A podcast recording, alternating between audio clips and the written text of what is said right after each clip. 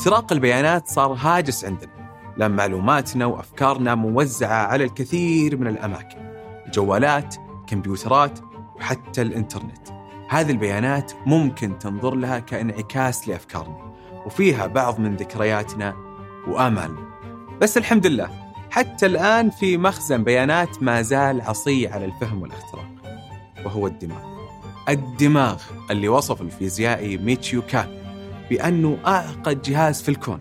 ما زال لغز أمام الباحثين اللي ما زالوا يحاولون فك أسراره عشان يعرفون كيف نفكر وكيف نشعر وكيف ممكن الدماغ ينقلك لواقع مختلف ممكن يكون سعيد أو حزين. واقع ما ينكشف إلا لما تصحى وتكتشف إن اللي كنت فيه كان حلم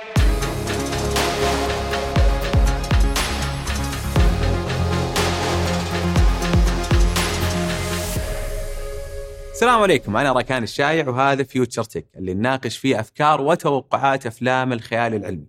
في هذه الحلقة هنناقش فكرة فك شفرة الدماغ زي ما ظهرت في فيلم انسبشن وقديش ممكن يكون للذكاء الاصطناعي دور في فك هذه الشفرة مع الباحث فهد الحازمي. فكرة فيلم انسبشن الأساسية هي القدرة على اختراق العقل وتغيير الأفكار أثناء النوم والمبررات بحسب شرح البطل المو علمية هي اندفاعات الدماغ تضعف وقت النوم. هذا الشيء ممكن يسهل على مخترقي الدماغ الوصول للأفكار وقراءتها والتحكم فيها. رغم أنه الكلام ممكن يكون مو علمي لكن التجارب الحديثة لقت أنه ممكن يكون صحيح إلى حد ما. وفي بحث آه، نشر أتوقع قبل سنة أو سنتين آه، الناس اللي هو مجموعة آه، متطوعين في مرحلة من مراحل النوم اللي هو ال REM. أو حركة العين السريعة ال rapid eye movement في هذه المرحلة هم استطاع الباحثين أنهم يوجهوا لهم أسئلة okay من خلال اللي هو الإشارات العصبية يقرأوا النشاط العصبي واستطاعوا يوجهوا لهم أسئلة وبطريقة ما يعني يستخرجوا منهم أجوبة على هذه الأسئلة. يعني عادة تكون أسئلة بسيطة جدا أو مشكلات رياضية بسيطة جدا لكن هناك على الأقل في يعني اقتراح في أنه هذا الشيء واقع. قد يكون آه، شيء صحيح. الفيلم يصور الذكريات والأفكار وكأنها موجودة في مكان واحد وإنك تحتاج فقط إلى اختراقه بطريقة ما. وهو في الحقيقة ما في مكان اسمه مكان الأسرار لكن هو عبارة عن تفاعل بين الحسين والفص الأمامي، الحسين عنده المخزن أو أي منطقة أخرى بس الفص الأمامي. هو اللي يحدد يعني آه أوكي لا لا لا هذا ما تقول له هذا السر أو هذا يعني عادي تقول له في هذا السر. فأحس إنه صورة الأسرار يعني آه، من ناحية آه، من ناحية طبعا سينمائية حتكون أجمل لو كان في منطقة معينة وأنا أقدر يعني أطلع المنطقة هذه وأقرأ وأعمل آه، يعني جهاز يقرأ أسرارك وأشياء من هذا القبيل. بس في الواقع هذا شيء يعني سابع المستحيلات. هذا ما يعني إنه قراءة الأفكار شيء مستحيل. بس الفكرة اللي تطرحها الأفلام وأنه الأسرار موجودة في مكان واحد هدفها تبسيط الفكرة للمشاهد بغض النظر عن صحتها علميا ترى محاولة اختراق الأفكار أثناء النوم هي جزء بسيط من محاولات فهم الدماغ لأن في طرق ثانية زي قراءة إشارات الدماغ رغم أنه هذه الإشارات ما هي مفهومة بسهولة زي ما البعض يتوقع إيش قراءة الدماغ؟ قراءة الدماغ هي في النهاية إحنا نبغى نعرف آه إيش اللي صاير داخل الدماغ. فيكون عندنا مجموعة أدوات. يعني هي تعطيك في النهاية الكرنت أو التيار الكهربائي. اللي هو في النهاية الدماغ ترى إشارات كهربائية. مو مو أكثر من كذا. هذه الإشارات الكهربائية اللي ينتجها الدماغ كثيرة جدا. لو ودك تتخيل هذا الكم الهائل فعدد الخلايا العصبية في الدماغ أكثر من 80 مليار خلية. كل واحدة من هذه الخلايا قادرة ترسل إشارة للخلية الثانية. من هنا ممكن تفهم ليش محاولة فهم وتحليل كل إشارة هو شيء شبه مستحيل بدون وجود تقنية قادرة تعالج وتلقط هذه البيانات. في النهاية لما لما تقرأ الدماغ يعني سواء بالرنين المغناطيسي بال EEG آه، أو أي جهاز يقرأ إشارات الدماغ في النهاية أنت عندك مجموعة أرقام. مجموعة ضخمة من الأرقام ومقابل كل مجموعة من هذه الأرقام يعني عندك آه، صورة معينة أو مفهوم معين أو شيء معين. فوظيفة الذكاء الصناعي أو الموضوع في في موضوع الأنماط هو كيف نفهم العلاقة بين الأرقام هذه وبين هذا النمط الهدف الذاكرة الصورة الصنف. قوة الذكاء الاصطناعي هي قدرته على تمييز الأنماط وربطها بشكل سريع. بشكل ما نقدر عليه حنا كبشر. بس في البداية نحتاج ندرب الذكاء الاصطناعي على البيانات عشان يبدأ يميز. مثلا أنا أضعك في اشعه الرنين المغناطيسي وأعطيك صور حزينة مثلا آه، وأعطيك صور سعيدة ويصير بعدين أنا أقرأ إشارات الدماغ وأقدر أتوقع يعني هل أنا أقدر أعرف أنه كانت الصورة هذه حزينة سعيدة أو مقززة من إشارة الدماغ فقط يعني. لأنه هذه بعدها راح نقدر نطبقها الآن على أعطيك إشارة دماغ بدون أي صورة. واقول لك يلا عطني إيش التوقع؟ القدرة على فهم إشارات الدماغ بسرعة يساعدنا على معالجة بعض الأمراض المرتبطة بالدماغ ومنها الأمراض النفسية.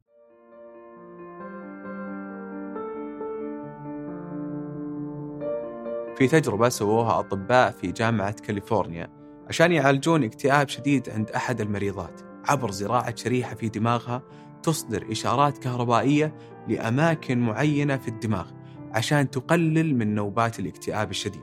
الدكاترة عشان يرسمون خريطة لدماغ المريضة أخذوا حوالي عشرة أيام وأغلب العمل كان يدوي لكن مستقبلا نتوقع أنه الذكاء الاصطناعي حيفيد في تسريع العلاج.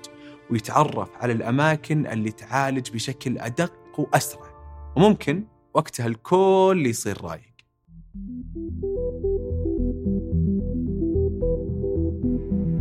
عقولنا وطريقة تفكيرنا تتقاطع في أمور كثيرة وتختلف في أمور أكثر ونفس الشيء أدمغتنا. خذ على سبيل المثال السيارة.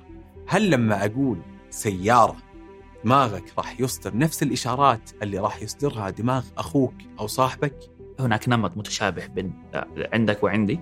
هذا النمط المتشابه عندنا كلنا. يعني آه، أقدر أنا أعرف إنك أنت تفكر في أنتم الاثنين تفكرون في سيارة ما تفكرون في طاولة. آه، لما تتكلم بشكل عام عن المستويات الأساسية والأصناف الأساسية فهي بشكل كبير مشتركة بين الناس. هذه الأنماط المتشابهة تبدأ تتغير لما نبدأ نفكر في التفاصيل. لأن تصورك والتفاصيل اللي ممكن تفكر فيها عن السيارة مختلفة عن تصور شخص ثاني. هذا الاختلاف يزيد لو فكر شخصين من ثقافتين مختلفة بنفس الفكرة. تخيل واحد من السعودية وواحد من اليابان. لو حطينا اللغة على جنب فهل الإشارات اللي تصدر من أدمغة هذول الأشخاص متشابهة؟ Who are you? You. No, not me, you. Yes, I am you. Just answer the damn questions. Who are you? I have told you. Are you deaf? No, you is blind. I'm not blind, you blind. That is what I just said. You just said what? I did not say what. I said you. That's what I'm asking you. And you is لما تفكر في مفهوم هو موجود في إطار الثقافة اليابانية مساحات معينة موسيقى معينة حتى نص معين يعني. أنت بالنسبة لك الكتابه اليابانيه ممكن يعني عبارة عن أشياء ما تفهمها بس هو بالنسبة له هذه رسالة عاطفية. هذه طبعا هذه حتكون إشاراتها مختلفة تماما وفي النهاية يعني آه، المعنى في بطن السامع كما يقال يعني. والمعنى عنده يعني وهذا الإشارة حسب المعنى. تعتمد على سياق الشيء؟ على على السياق نعم. إذا كان السياق يحكم بشكل أساسي معنى هذه آه، هذا المحفز خارجي أو يتحكم فيه بشكل كبير جدا فأعتقد أنه حيكون مختلف تماما. الاختلاف في الإشارات واعتمادها على الثقافة واللغة هذا سبب إضافي يدفعنا للجوء للذكاء الاصطناعي كأداة مهمة في فهم وقراءة الأدمغة. لأن لو كنا نتكلم عن مليارات الإشارات العصبية في الشخص الواحد فتصور عدد الإشارات للشعوب والدول المختلفة. آه لما تتكلم عن آه الدماغ يعني بشكل مباشر أكثر إحنا محتاج تقدم أكثر في التقنية. آه حتى نقدر نقرأ من مناطق أكثر حتى نقدر نشوف الخلايا بشكل أفضل حتى نقدر يعني نقرأ عدد أكبر من الخلايا. اليوم في تجارب مختلفة.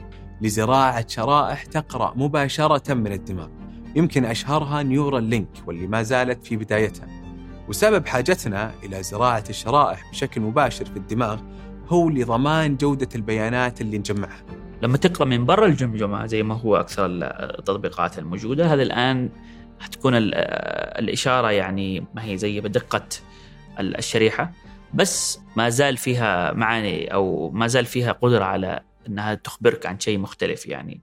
الشيء اللي تصوروه العلماء هو إننا حنكون قادرين ندمج ما بين إنترنت الأشياء وآلات النانو واللي هي أشبه بروبوتات بأحجام الخلايا حيث تقدر هذه الأجهزة تدخل في جسم الإنسان وتتجه للدماغ عشان تقرأ منه البيانات وترسلها للمعالجة بدون أسلاك أو تدخل جراحي كبير زي شرايح ال Neuralink هذه التطورات مع ان قدامها وقت طويل لين تتحقق. إلا أنها تخلي الواحد يخاف على خصوصيته.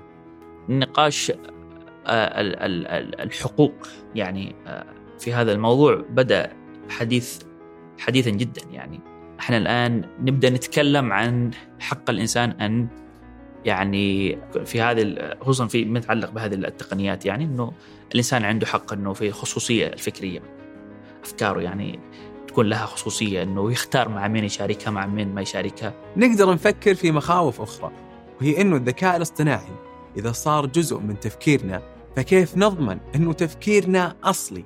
ما تم تغييره بسبب وجود ذكاء اصطناعي يعمل من أجل المصلحة العامة أو مخترق في اسوء الأحوال.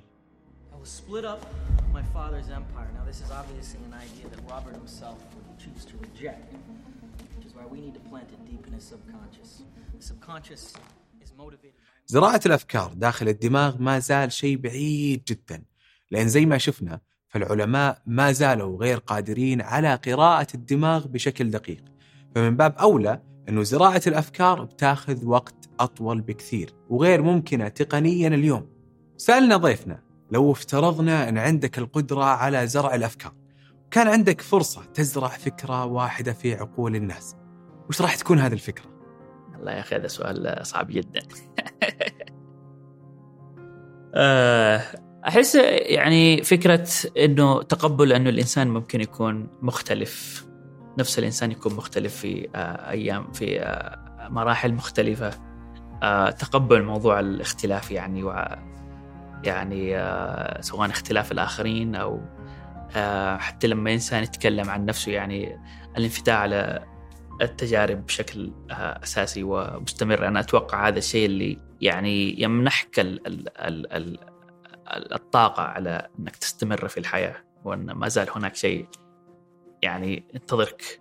لكن لما ما يكون عنده الإنسان القدرة على هذا التقبل هذا يعني عقبة في طريق نفسه وطريق الآخرين. هذا شيء سيء جدا. أظن ممكن نعترف إنه العقل زي ما قلنا في البداية أعقد جهاز في الكون. هذا ما يمنع أننا نستمر في محاولة فك غموض هذا الجهاز باستخدام تقنيات زي الذكاء الاصطناعي اللي بدأ مؤخرا يلعب دور في هذا المجال. قبل نختم ودي تشاركوني بالتعليقات. وش هي الفكرة اللي ممكن تزرعونها أنتم في عقول الناس؟ بالنسبة لي الفكرة اللي ودي أزرعها في عقول كل الناس هو أنهم